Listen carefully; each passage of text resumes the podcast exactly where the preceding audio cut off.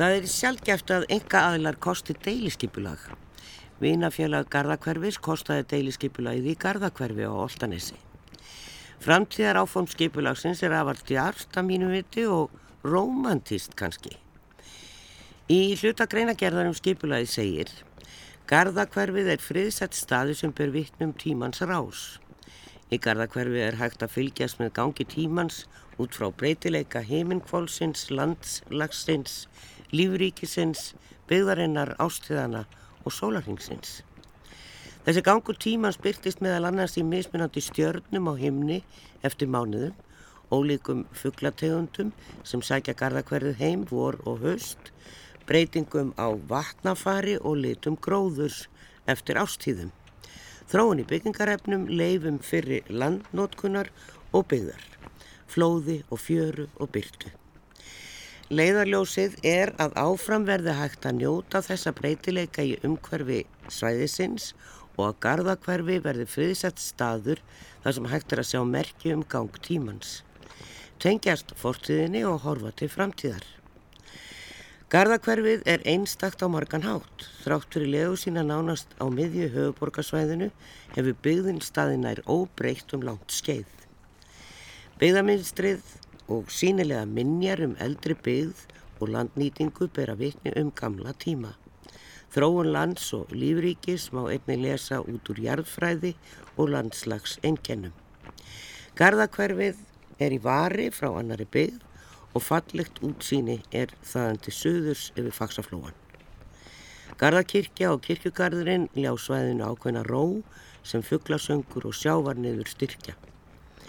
Við ætlum að heyra þessum áformum garðbæinga í dag. Hér í stúdiói sitja hrefna Róbertsdóttir Sagfræðingur og þjóðskjálavörður og Pétur Ármarsson arkitekt hjá Minjastofnun. En bæði komu þau að kortlækningu sveðisins.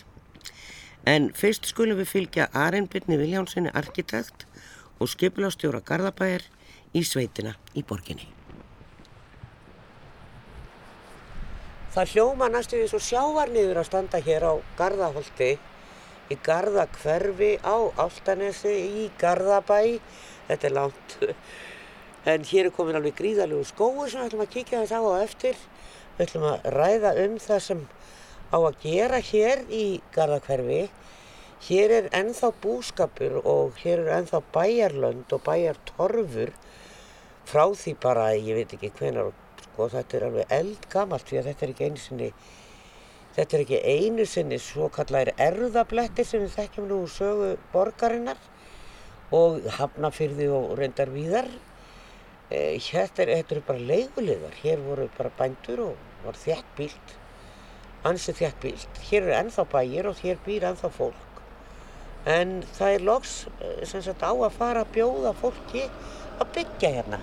Og þá mjög takmarkað Ari Björn Viljánsson, arkitekt, er skipilastjóri í Garðabæ og hann hefur svo sem verið með mér hérna áver og sagt frá þessu.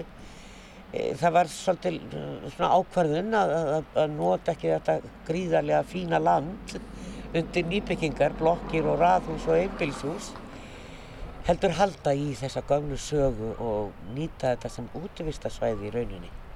Hér er kirkja, garðakirkja, falleg svona látlegs kirkja, kirkjugarður og svo er hérna krókur sem er eh, svona, eh, hvað maður segja, listamannabústaður fyrir þá. Að var allavega þarna gætt fólk legg sig inn það var fjölskylda sem gaf þennan bæ til Garðabæjar. Þetta er bara svona lítill bustabær og það er, stendur yfirslegt til þar. Við stöndum hérna við Garðaholt sem er félagsheimili og gammalt skóli og margi komi hér í veislur þetta er indislegu staður hérna á Altanis, alveg gríðalegt útsýni hér út á sjó.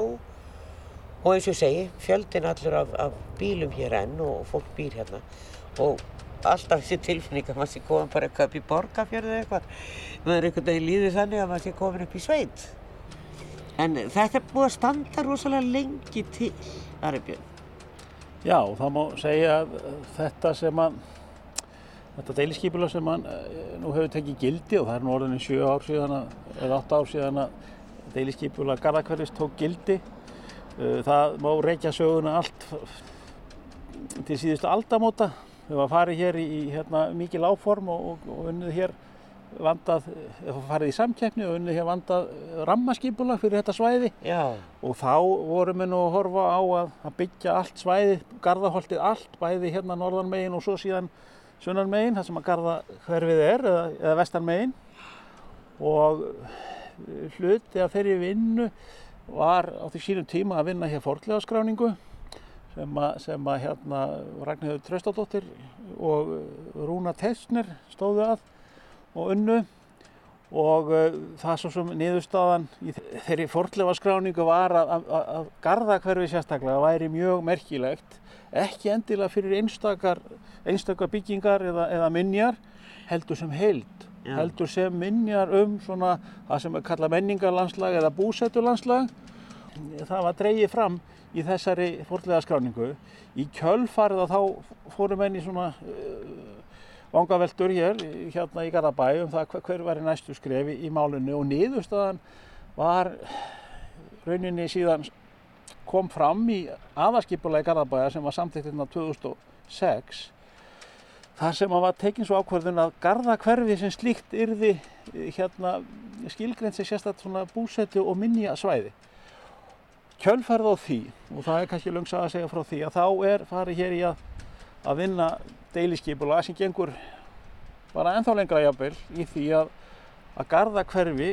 verði verndað sem búsetu landslag og að það væri hér bara lítið um nýbyggingar, þú varst að tala um hvað ætti að gera hérna, það er kannski meira hvað og ekki að gera hérna. Já, og þetta er, er snýst nú svolítið um það. Auðvitað, þetta er land sem að Garðabær kefti að ríkinu fyrir hennum, já, verða 30 ár síðan.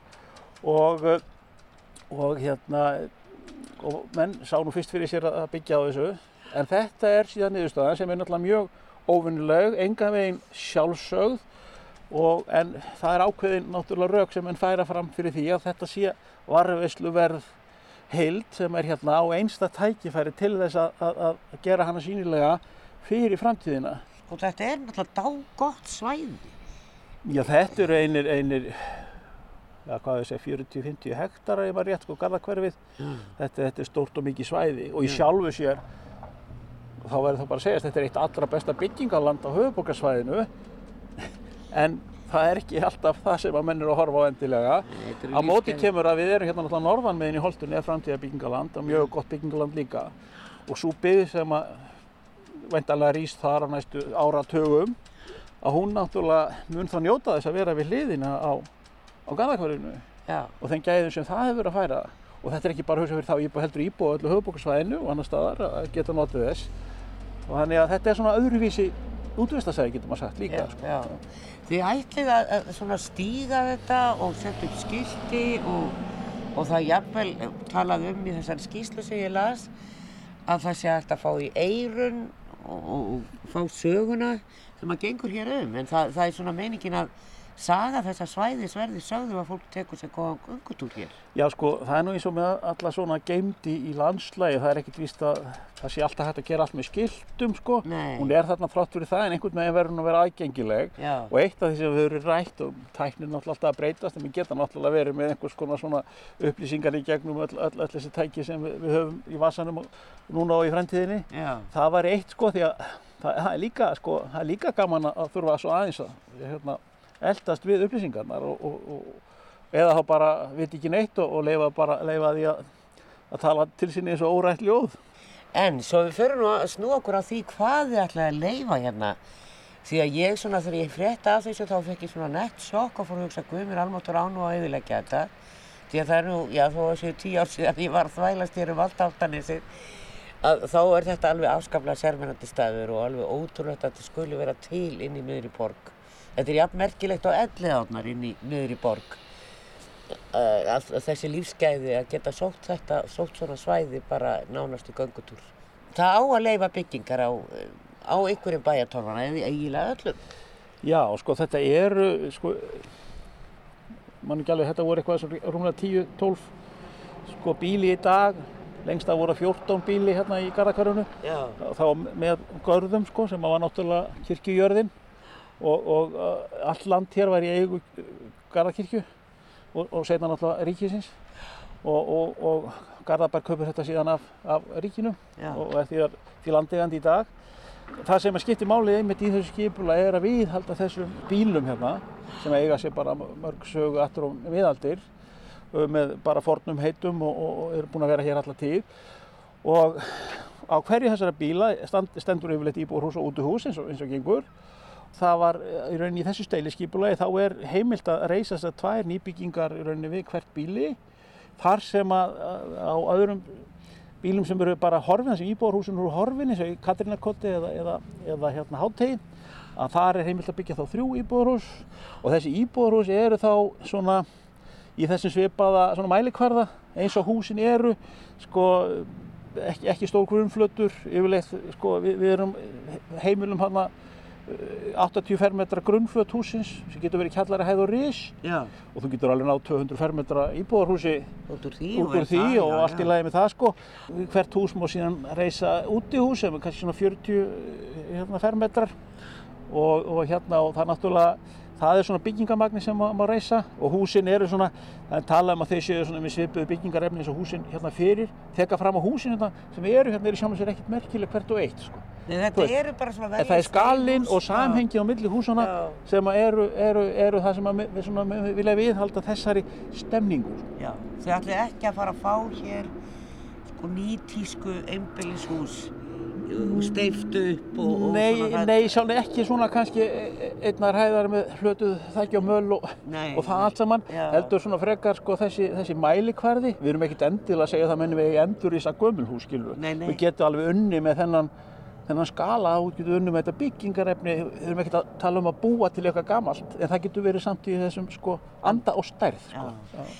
Þið eru líka svolítið að sækjast eftir því að jafnvel einhverju sem að vilja halda að hafa hænur og, og, og svona lifa kannski sko, aðeins öðru sér lífi að það fólk hafi áhuga að koma enga. skipulagið hefur svona stuðla svolítið að því að menn sko hérna það sé bóðið upp á þetta Já. og auðvitað viljum við gjarnan að þetta verði svona stemning, þetta verður staðurinn þar sem að menn geta farið á vorin og sé lömpin og, og andað að sér hérna töðurlyktinni og sumrin og, og, og, og hér sé einhverja skeppnur og þá er ekki bara að tala um hesta, heldur kannski líka önnur húsdýr og Já. er ekki landnáms hænur og geitur og, og eitthvað svo leiðis og, og hérna og kannski lamadýr þegar það má, nei ég segi svona, sko þetta getur orðið svona, svona nánast svona svolítið húsdýragarður sko.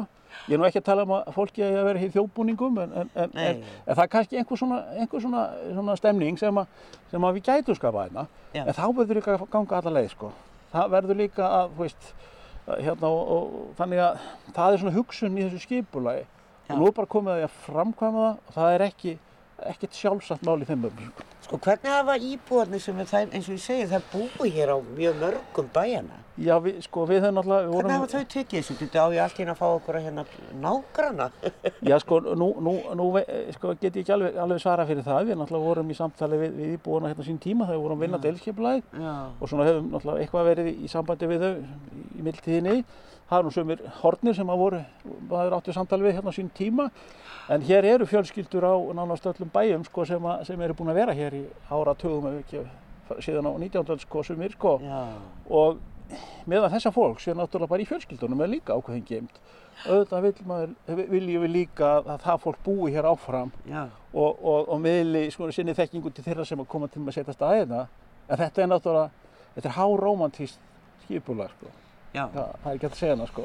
En, en það er sko, við erum svona núna undanferðin árin þegar við erum að horfa á uppbyggingu og skipula og þéttingu og allt þetta sem er að gerast, það er, verið, það er eiginlega dreifing hér, frekar Já. að þá eru þetta einhverju verktakar sem koma, kaupa, byggja.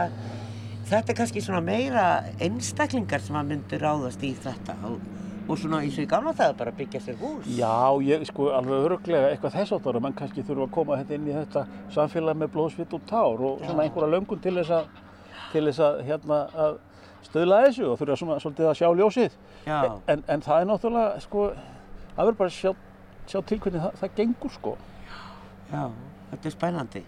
en að móti kemur þegar við förum að deiliskipulegja Garðarholti hérna þá kannski þurfum við að velta fyrir sér heyrðu, við tókum þetta svæði hérna frá við þurfum líka að stöðla að eh, svona því að nýta vel byggingaland á höfuborgsvæðinu og, og þróa byðina Já. og þá kannski verða með svona svolítið að horfa til þess, kannski kallar þetta á að byggðin hérna hinnum meginn í holdinu verður þéttari en það verður bara, sjá til hvernig það verður, það verður bara fyrir framtíðina. Við þurfum líka sko að leifa framtíðinni að ákveða hvað þeir gera við þetta svæði.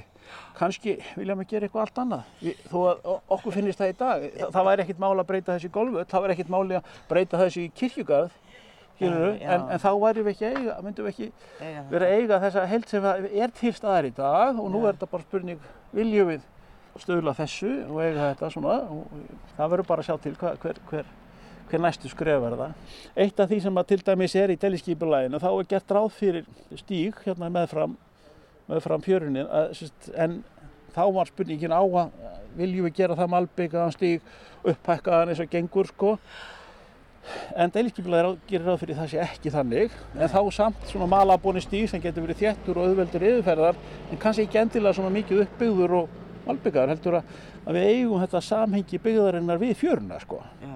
og hún, það, það er eitthvað, svona, eitthvað, eitthvað við það líka sko. Hvernig getur fólk farið að panta nóg? Er það bara núna? Nei sko, já, nú, núna er, erum við bara með í ferli hér breytingar á, á deiliskypulæginu uh, og reynda raðaskipulagi líka hérna vegna smá breytingar sem við erum að gera hérna við Grænagarð og, og hérna og þar erum við svona að skilgreina lóðunar aðeins nánar heldur en var gert í skipulægin hérna, við vissum það alltaf við þyrtum þegar að kæmi að því að við færið að stiga þetta skref og þá þurfum við aðeins að horfa betur ofan í hverja lóð fyrir sig og hvert byggingareitt þá í, í samfunni við rákjaðu okkar í, í fordlega málum, Ragnhiði Tröstundóttur bara til þess að við séum ekki að fara alveg ofan á einhverjar fordlegar eða við séum að, e, þannig við séum ekki að sko hérna að raska sko hérna landslæðin hérna líka. Það var bara ekkert svona kannski tími að fara ofan í hverja einustu lóð þá. En það, það er það sem við erum að gera núna í þessari deiliskyflarsbreytingu sem við erum að auðvisa núna. Það er svona í kjölferða því væntalega bara kannski vonandi í haust eitthvað þá getum við farið að auðvisa eftir eftir áhuga sumum og, og þá líka þurfum við svona aðeins að ákveða líka hverja lóð fyrir sig hvernig við, sko því að þetta eru kannski ekkit stóra lóðir fyrir húsin en svo fylgja sko hverjum bíli eins og hátegi eða katrinokoti talsveit land, hektarar jafnvel, með túnum og ræktuðu landi. Og það er eitthvað sem við viljum náttúrulega líka, það verði áfram rækta land sem, að, sem, að, sem að við séum ennþá með túnin sem séu hyrt hérna, þetta sökku ekki allt í sinu órækt. Svo væri gaman að fá hérna bara kálgarða hérna á milli og, og nógur af görðunum og skjólunni hérna og þetta er alltaf mútið suðri þannig að þú getur vel rækta hérna rosa fína rababara sko, það þýr að skipta. Þú nefndi Grænagarð, ég, þegar ég var hér fyrir tíu ára þá fór ég aldrei þangað eða Grænigarður er, er orðið útöðustasvæði hér. Já, við heyrum í honumæntalega hérna í útvarpinu. Það, það þýtur í greininu sko, Já, sem er orðið hátt á mikið. Já, mjög mikið. Við skulum kíkja þess þangað. Já, áðunum við kíkjum í Grænagarð, heilsum við upp á Pétur Ármannsson, arkitekt og Hrefnur Óbeltsdóttur, þjóðskjælaverð. Velkomin. Eh, þetta er náttúrulega eins og ég hafði orða og ég hef nú talað um ofta áður, þetta er alveg einstakur staður í borgarlandinu. Hvað segir þið? Já, hann er alveg mjög sérstakur og svona kannski ef maður skoðar þetta út frá sögulegu sjónarhóttni að þá er þetta alveg einstakt á höfuborgarsvæðinu og jafnvel á Vesturlandi sem þess að minjar um svona þjætta hjálegubigð frá fyrir öldum. Það má við að segja að blómaskeið þessarar svona þjættu byggðar er svona tímabilinu 1400 til 1800 Já. og það má ég lega segja að við, við Reykjanes og á Snæfellsnesi og svona það voru mjög margar svona byggðir. En uh, á flestum stöðum voru það líka á, á stöðum þar sem að síðar er búið að setja uppfyllingu og hafnamannvirki og, og nútíma þorp byggðust í gerðnan upp á þessum stöðum. En Garðakverfið eiginlega var þarna bak við hólinn og hefur þess vegna varfist í framtíðar þannig að svona út frá svona þessu sögulega sjónamið er þetta alveg gríðarlega vermætt og áhugavert svæði. Það er kannski svolítið skrítið að garbaðingar hafi einhvern veginn, það er eins og þeir hafi glemt þessu landi, þeir hafa náttúrulega byggt gríðarlega undan var nár, eins og öll bæjarfjölögin hér í kring. E, og svona farið náttúrulega í kringum íkæða, allt öryð og holtið og allt þar og náttúrulega flatirnar og, og allt sem þeir hafa byggt en þarna bara einhvern veginn stendur þetta heldur að þeir hafi glemt þessu Pétur Nei, ég, ég held að hérna þeir hafi nú átt úr, nóg, úr nógu landi að móða það er kannski hefur nú hjálpað garðakverfinu og um, það er náttúrulega skiptir sköpum að, að líka að landið í garðakverfinu er eigu, eigu er ekki eigu engaðila og þess vegna hefur þann, þannig að það er, það er bæði ástæðan fyrir því að það er ekki búið að breyta hvað þróun hefur verið hæg. Þetta er eiginlega e, uppbyggingin í hverfunu hefur verið mjög hæg og, og tilfinningi sem maður fær þegar maður fer þarna í gegn er, er svolítið eins og, eins og þetta hafa verið frá millistrísárun. Það var þetta að taka upp nánast í bíómynd sem að gerðist millir 1900 og, og svona 1930-40. Húsin eru mörg frá þeim tíma líka og eru svona vinnfaldri gerði sem kom fram, það er ekki kannski, en, en svo má ekki gleyma því líka að þarna er náttúrulega e, það sem gefur þessu svæði gildi er e, hérna kirkjustadur en Garðar sem er náttúrulega frægur sögustadur og þar er, þar var jú sem sagt sókna kirkja Garðar Reps. Já. Kirkjan gamla, steinkirkjan frá 19. öld, hún var endurreist um 1960 frangvæði kvennfélagsins í Garðabæ og þarna er kirkjugarðu Garðbæinga þannig að þeir eiga þennan Helga Reit og það múi segja kannski Helgi Garða, hún hafi svona verið svona eins og venda vættur yfir þessu svæði. Já, en þú myndist á að þetta væri einstakta þýleiti að ég man ekki eftir ég hef nú farið við um landið en ekki allt. Eru fleiri svona staðir á landinu sem að er svona samfeld byggð sem að hefur ekki verið snert í rauninni? Pétur, þú fær líka við það. Er, ég skal nú ekki segja, mér dettur nú jófríðarstað hverfið í Grindavík kannski, það eru, eru sem er nú líka að stefnir í að verði vendarsvæði í byggð. Þetta er svolítið sérstakt minnstur af, af, af byggð Já. sem er þarna. Þetta er eiginlega svona mitt á milli dreifbílis og svona uh, sveitaþorp. Þetta er ekki, ekki eigilegt þorp en, en mörg af, margir af þeir stöðum sem eru núna þéttbílistæðir, þeir kannski byrjuðu svona. Ekkert meginn svona í þess áttina, svona þurrabúðir, lít, smá bíli og svo smá saman þéttist þetta. Mm -hmm.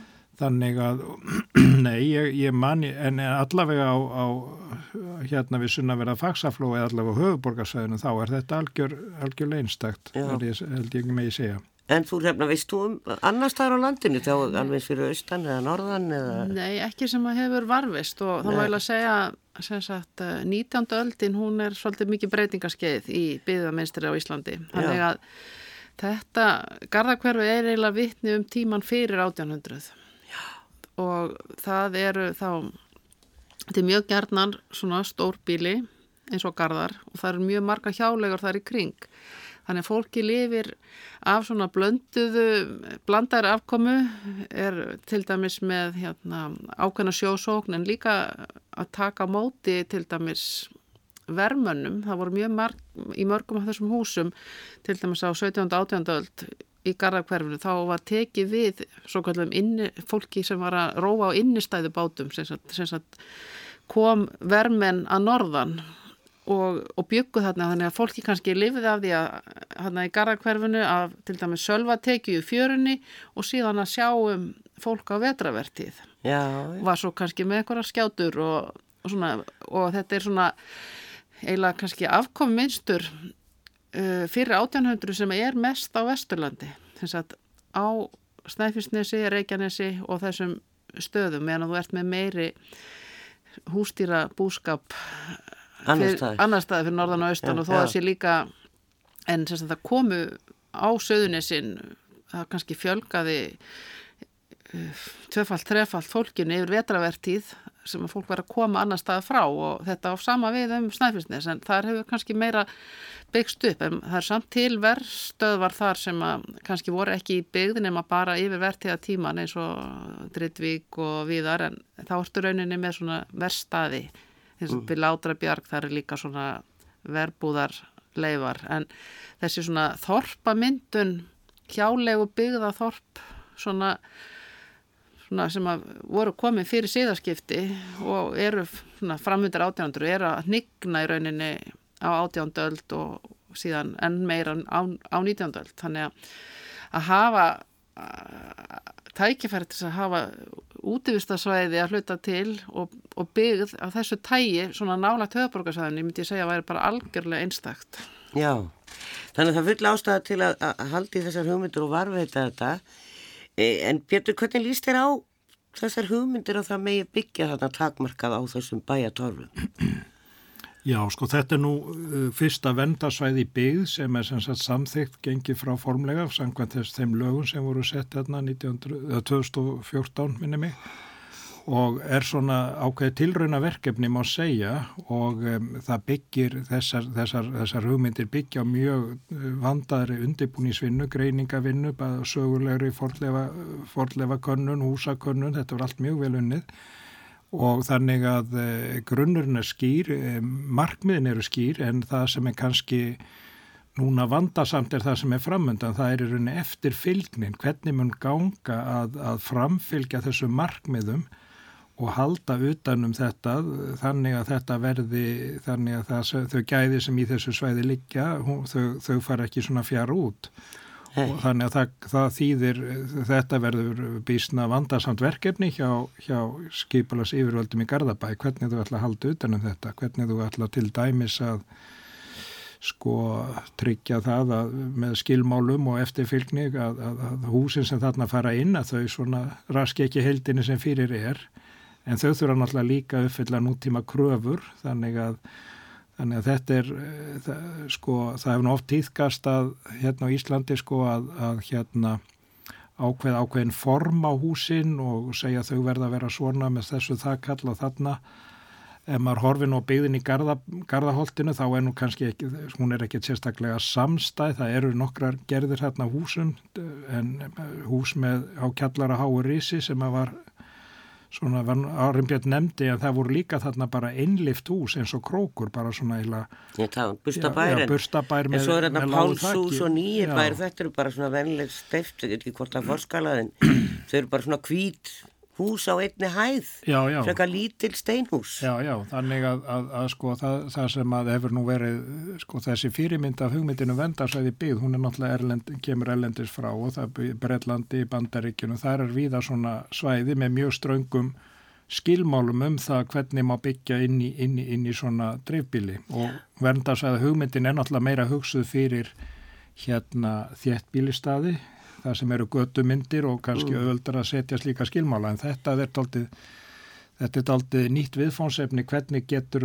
í, í, sko, að skilgrina vendasæði svona dreifri byggð. Og þá er það alltaf ekki bara húsin heldur allt, það eru grótgarðarnir, gróðurfarið, veginnir, lýsingin, allt skiptir þetta máli. Og það þarf að huga öllum þessum þáttum, ekki bara húsunum og en, en, en, en Ég hef oft eldi fyrir mér á, Ís, hérna á Íslandi sko eh, væri ekki kannski vanleira til að ná svona fallegum heldasvip að skilgreina sko efnisval og lítaval á húsunum heldur en kannski endilega uh, formið á þeim.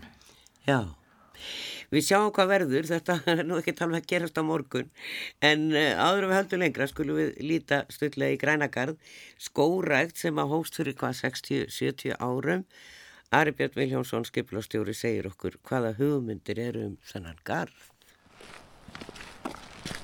Við erum komin hérna inn í grænagarð þá kemur maður náttúrulega bara í blanka lokk því að maður er komin í svona háan skó þá er nú ekki mikið, eh, blæst nú ekki mikið þá sjáum við hvað tríðan gera fyrir vindin um að gera hafa svolítið af þeim. Þau eru gríðalega háorðin hér mikið af bartrjám og, eh, og þjættur skóurinn það þurft að fara að grísa hér en við erum svona kannski aðeins svona opnu svæði hér. Hér er íbúðarhús og hér býr fólk. Og þannig að maður svona ok, maður ég fara þarna? En meiningin er aðrimbjörn að þetta verði einhvers konar útvistarsvæði og þá þarf bara einhvern veginn að finna út úr því að því að fólk að missi þeimilega það en það er ekki það sem að tengjast þessari skóra? Jú, jú, það? jú, jú, já, það er eftir þannig sko. Það er, það er þannig sko að þetta svæði var, er skórættarsvæði upphaflega. Já. Deiliskipulega gerir á fyrir þetta verði almenningsgarður í framtíðinni. Hér er bara kjöru tækifæri til þess að búa til, til en þá fallir reitt þegar maður nýttist í búum í framtíðinni.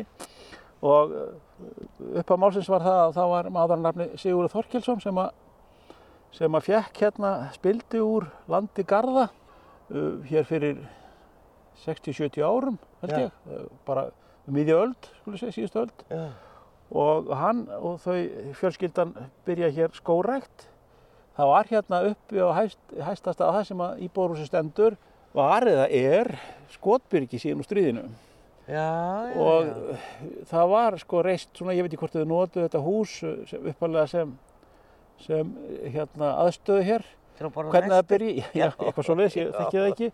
En setna reistuðu sko lítinn kofa ofan á þessu, eða við þetta, þetta byrgi. Og þetta verður svona sumabústofur og, og setna bara fenguðu leifi til að setja stað þarna. Og, og þetta verður íbúrhús Já. en er hluti hérna bara af þessum, þessum grænagarði Þetta er ósku pent hús, við keirðum þarna upp að því. Já, já, já, já, og, og, risahús. hérna, og, og reynda við erum að, hérna, að skoða það að festa það í sessi sem, sem, núna, sem íbúðarhús og jafnvel þetta auka aðeins við það þar og Já. gera það sem, sem hluta þá að framtíða byggð hérna í holtinu það þar að kemur.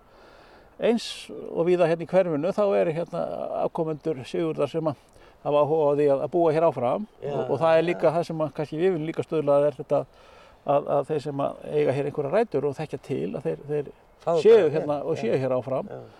Og, og þetta er þe- þeim náttúrulega afskaplega kær reytur þessi, þessi skóur en hins vegar náttúrulega er komið að því að hér þarf að, að, að grísja og þá þarf eitthvað að gera fyrir, fyrir þennan garð sem þetta er orðin, orðin ve- vel sprottinn og, og hérna en, en hér eru miklu, miklu, miklu, möguleikar.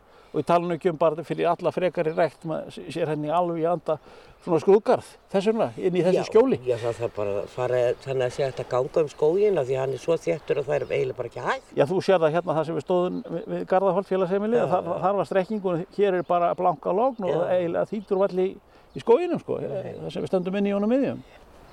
Þetta er draumastæður. Og ég get ímyndað mér að það eru farnar nokkra lautaferði hér þegar það er búið að, að svona eins og ég segi, grísi og búa til litla lautir og það sem er hægt að setjast niður og, og annað. Þetta er stórmerkilegt. En það þekkja margir þennan skó, bara maður sér hann alltaf frá Reykjavík og þá virkar hann eins og svona lítið, lítið frímerki. Já, hann sést, það rétt. Hann sést mjög vel frá svona eins og bara frá landsbytaránum og hérna frá, bara úr, hérna, skólaverðarholtinu og þegar maður horfir hérna til suðus, þá verður þessi lundur mjög ábyrrandi. En, en, en hann er, ég man nú ekki hvað hann er í hætturum, en, en þetta er, er hérna, er bara náttúrulega framtíðar útvistasvæði. já. Og eigendur hér, eða sem sagt það fólk sem býr hér, afkomendur sigurðar, þau eru alveg sátt við það að hér verði fáið almenningur aðgáð. Já, já, og þau vilja sjálfsagt að, ég menna það er líka orðið heilmikið mál.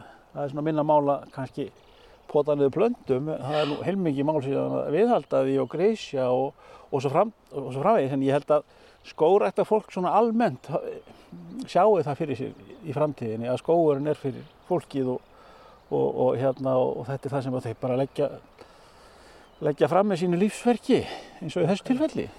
Hvað er þetta sé hátt? Þetta er nú bara í tíu metra hátt. Já, já, þetta eru, eru bísna, bísna há tré sko og hérna og, miða við það, þetta var náttúrulega bara berangur hérna þegar menn hófu þetta starf þá var þetta náttúrulega gríðalegur árangur og, og, og þeir hafa vissulega bara hérna draumarnir rættust um skó og margir að þessum tíma hafa ábyggilega ekki haft mikla tróði að væri hægt að rætta skó á svona stað þar sem þetta var bara klappar holt sko Og bara beint í sjóin þannig já já, bara svona eins og, og megin. gengur sko já, já. En þú segir sem sagt að þessi hluti, sko nú sjáum við ekki eins og niður í Garakarfi, sko tríen byrgja, við sjáum heldur ekki eh, norður á Áltanesið en, eh, og hérna, en þetta verður svona inn í miðjunni á, á nýju hverfi eða hvað? Já, þetta er rauninni verður sko þá svæði sem að tengi svolítið saman framtíðabyggðina í Garðarholti norðanverðu og Garðakverfi.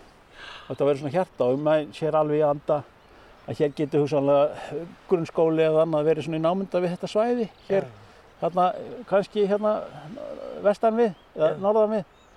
Og, og það verður náttúrulega grunnskóla sem hlýtur að vera skýrður, eða, hérna, nefndur hausastæða skóli.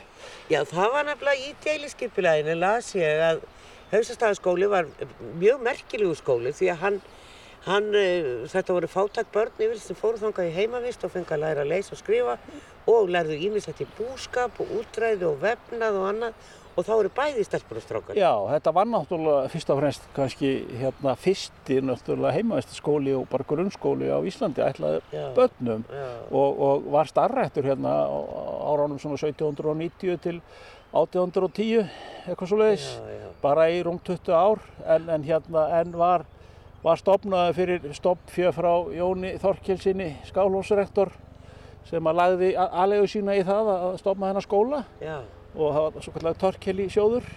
Og, og hérna og ennátt er bara mjög merkilegt fyrirbriði og það er minnisverði hérna hjá, hjá hausastöðum um, um þennan, þennan skóla þess vegna segi ég að það, það hlýtur að vera ef það er opnaður eh, grunnskóli hér í Holtin, hann, hann verið látin heita hausastæðaskóli já. Og svo varum við talað um eins og skipulegi að þetta gæti þó verið í haustæðalandinu, gæti verið útikennstofa. Nákvæmlega þar sem að skólinn stóð. Já, Já, ég er nú ekki alveg kláraði nákvæmlega hvað hann stóð, einhver staðar á torfinu hérna hjá hausastöðum stóðan já, kannski, ég man ekki hvort að fordleifa konunni ná, nákvæmlega staðsettur hann ég held einu sinna að hann hafði verið þarna það sem að minnisvanni stendur en hann var nú ekki þar hann var nú bara einhver staðar hann í kringum bæjarhúsin já. já. Sennilega verið bara svæðinu, bænum, sko, já, svæðinu, segja, já, Á já. svæðinu, já. Krakkar hafa mjög gaman á útikennslu og, og það virðist hjálpa mörgum með bæði í starffræði og öllu mögulegu að, fara í útikennslu. Þá færðu svona út úr skólastofinu og hérna. út starffræði, Já, kennast- tré Við, erum svo flöt, við förum út í, það, Já, já, er bara gert einhvern veginn með leik, sko. já, já, Ha, kennsluhættir eru allir breyttir. já, En e, gaman að koma hingað og það verður spennandi að sjá þetta eftir svona, hvað ég var að segja, 5-10 ár þá verður allt komið hér. Nýtt hverfi, búið að byggja á svona torfum nýra í Garðakverfi. Hvað ég, heldurðu? Já, ég, ég bara, ég, bara vonandi. Og hérna, þetta er náttúrulega bara mikil, mikil tækifæri sem er hérna. Já, En mér langar bara að nefna að þegar ég byrjaði hérna fyrir 15 árum og þá vorum við að ganga frá svona gatnakorti fyrir Garðabæ og búið að prenta, ég myndi ekki mörg þúsund eintök af fínu korti í lit og, og ég fór eitthvað að rýna að þá sé ég allt inn að stendur hér við grænagarð stóð græningjagarður. Og það hefði bara misfittast og bæjarreitari hérna bara með vinsalegast um að fara að fleia öllum hérna, hérna uppdráttunum og, og prenta þetta eftir og hann ætlaði ekki að fara að móðga Sigur Þorkilsson með því að láta þetta heita græningingar og þetta var allt endur prenta. Já, sagði Aron Björn Viljánsson, arkitekt og skiplastjóri Garðabæir og við hverjum hann hér með og höldum áfram hér með Pétri Ármann sinni arkitekt og Hrefnur Óbelsdóttur sagfræðingi og þjóðskalaverði. Ég veit ekki alveg, það er svo margt þeirra að spyrja um þessi hausastæðaskóli heitlaði menn og alveg sem ég var að lesa um, um hann í þessu fína deiliskeipulagi sem að segja frá svo mörgu og það er svo vel kannað einhvern veginn allt e, til þess að taka þessa, e, já, kannski svolítið djörfi og romantísku ákvarðin. Hausastæðaskóli var mjög merkilegur. Já, hann er svolítið sérstakt fyrirbæri á landsvísu því að í rauninni á þessum tíma er hérna rauninni fer öll batnakens fræðsla fram á heimilum. Og það var eftir húsaga tilskipum frá mér í átjánduöld að þá átti að kenna börnum að lesa heima og prestar liti eftir því. En það sem að kannski gera þetta svæði sérstakt og er kannski skýringin á því að hausastæðaskóli er þarna en ekki í Norðuráldal eða einhver starf annar starf á landinu er í rauninni þetta uh, sér langa hefð fyrir töluvert þéttbíli byggð á Altanesi, Seltjáðanesinu og rauninni við sjóin hérna á Reykjanesi og, og víðar. Þannig að uh, ég myndi halda að það væri í rauninni skýringin á þessum skóla að það er bara það margt fólk þarna og ef maður tekur til dæmis mantali 1703 að þá er eitthvað um 300 mann sem að búa á Altanesi Já, sem er bara tölveru fjöldi á litlu svæði Mm. og á sama tíma er eitthvað um 600 manns á Seltjarnanesinu og þá er maður ekki að tala bara um kvosina í Reykjavík heldur svona nesi sem slíkt svona upp að rauðara á þeim, þeim slóðum þannig að hér er margt fólk og mörg börn og öruglega mörg börn sem eru þá kannski rauninni þurfa á heimavistina að halda eða já, já. En saga skólans, það þarf að skoða hana mun betur því að þetta er svona sérstakt fyrirbæri á þessum tíma og þetta er rauninni eh, komið löngu fyrr heldur en hérna barnaskóla væðingin hér á landi er og hún tengist náttúrulega mest að þéttbílinu, Eirabakki með 19. öld og síðan borgaraskóli í rauninni Reykjavík en að, og það sem að kannski líka er, maður hugsa um íbúana þarna á garðakverfinu að þeir eru svolítið stutt frá yfirvöldum.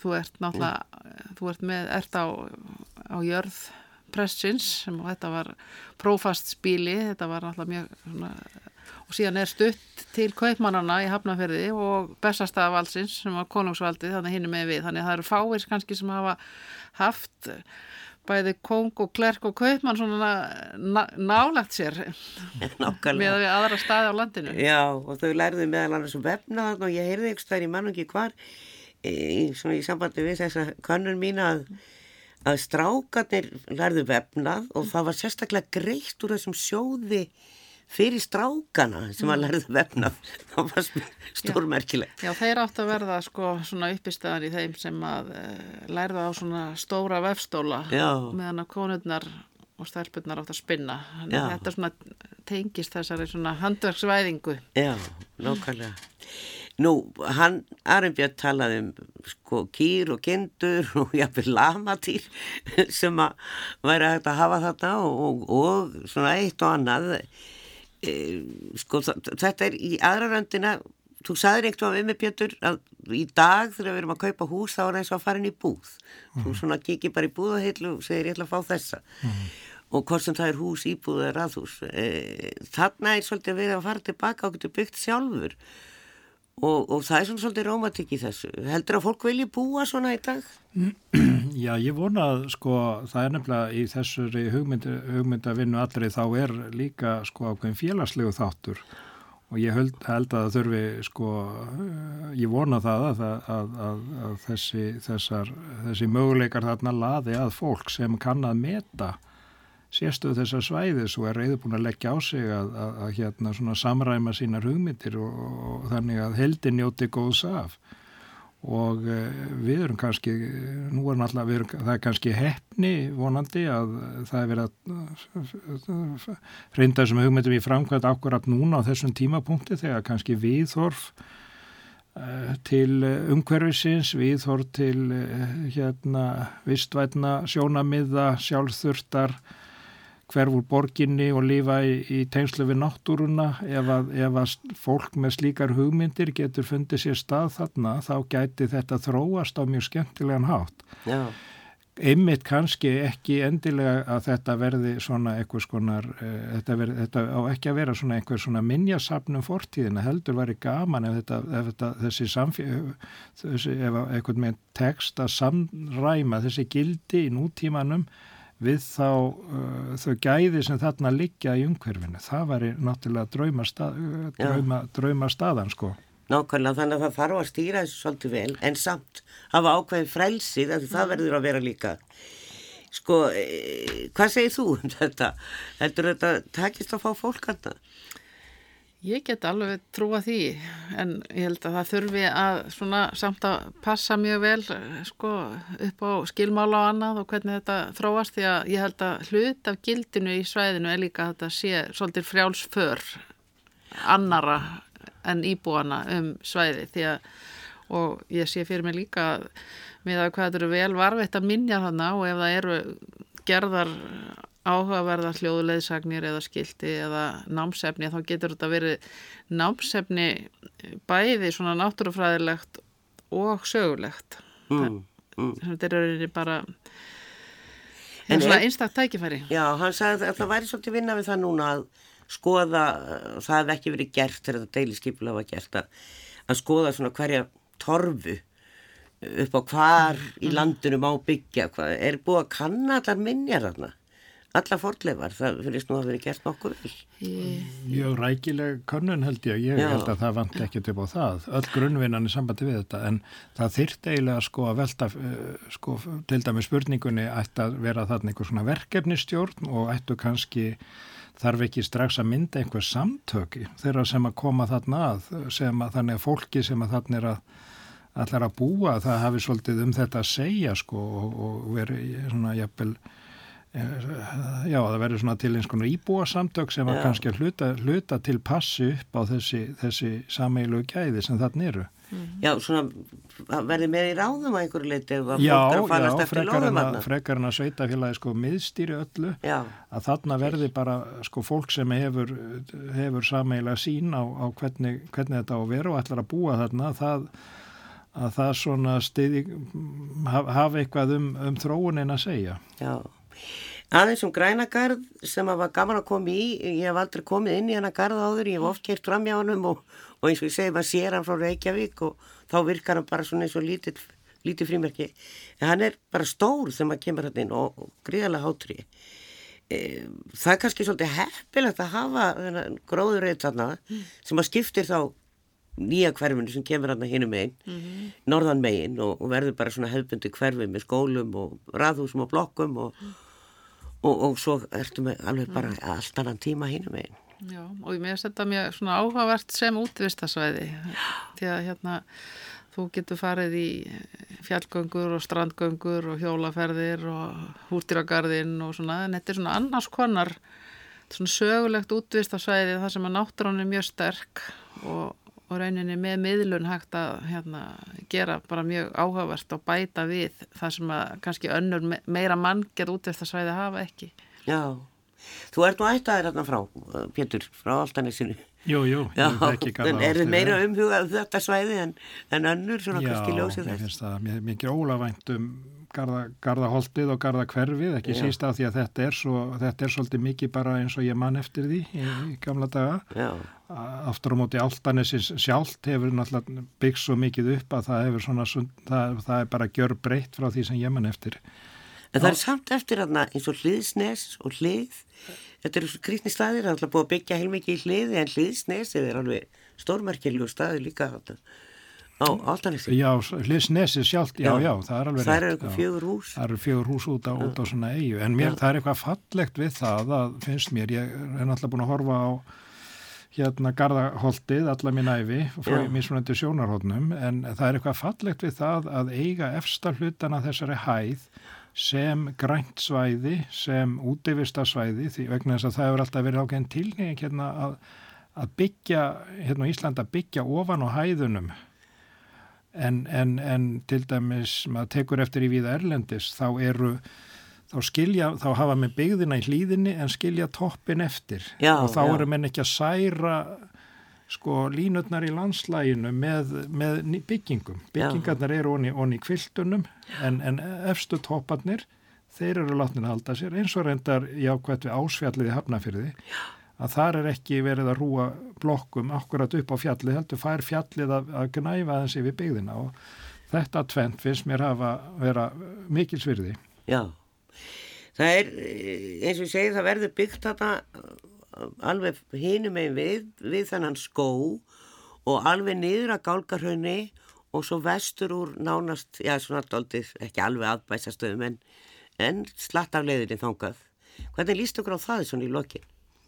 að fá þarna alveg nýtt hverfi. Já, sunda þessu landi er, er mjög gott byggingaland, ekki sísk og sunnan megin í, í, í hérna hæðinni, það sem snýri áttin að hafnafyrði og nýra rauninu, mjög, maður sér það fyrir sér, sólríkt og mjög fallegt. Og vissulega norður hlýðin þó að það sé tölvertu minjar. Síðan er náttúrulega mýrin þar fyrir neðan hún er náttúrulega botlaust díki þannig að það var ekki, ekki að byggja þar, ekki að byggja nei, þar nei, nei. en þannig að hérna Um, já, mér finnst að uh, sko það þarf líka að skilja eftir óbyggðsvæði þarna í kringum þetta og líka huga því að til dæmis sko að byggja ekki við, uh, við lambúsatjötnina þar sem lofa varveita ásýndina bestastöðum. Já. Það, hún er mikið svirði og það má ekki gleyma því að þarna þessum slóðum eru gamlar, æfagamlar leiðir. Það er til dæmis Garðavegurinn sem að lág frá, sko, frá, frá fókjættagötunni í, í gegnum Garðarraun og svona ská í áttagörðum það má ennþá, hún er náttúrulega hlutað þessari, hún er náttúrulega skráði í forlega skráni, ég fór ekkert í mann með forlega skrán og fór að leita að henni og maður fann alveg svona hér og þar svona vísbendingar um hvar þessi leið hefði verið og það var gaman að koma ganga eftir, reyna að ganga eftir eh, þessari slóð og sjá hvernig gardar byrtast allt í enu við endan á, á, á leiðinni. Já, Þannig að það eru svona, sko þetta er svo, þetta er svo svæði sem er svo ríkt að sögu að ég vona það að, að, að það veri tekið tillit til hennar þegar verður að fara verður í að móta þessa nýju byggð. Já, Fuglalíf náttúrulega líka mikið þarna. Ólaður Ragnar Grímsson talaði mikið um það. Að venda þurfti fuglasvæði kringum bæsastæði. Já, já, og líka bara kannski fjöruna. Það er, er mjög mikið, um skoða bara svæði hér á þessum slóðum. Það er svo mikið búið að fylla upp eða setja sjóvarnagarða til að hlýfa gödum og vegum eða bæta við byggingaland. Þannig að, að svona, þetta er svona verðmæti útaf fyrir sig. Já, það er það. Við sjáum hvað setur, þetta verður spennand að fylgjast með þessu og komast ekki lengri í dag. Hrefna Róbersdóttir, þjóðskjálaverður og Pétur Ánússon, arkitekt. Takk fyrir. Takk fyrir.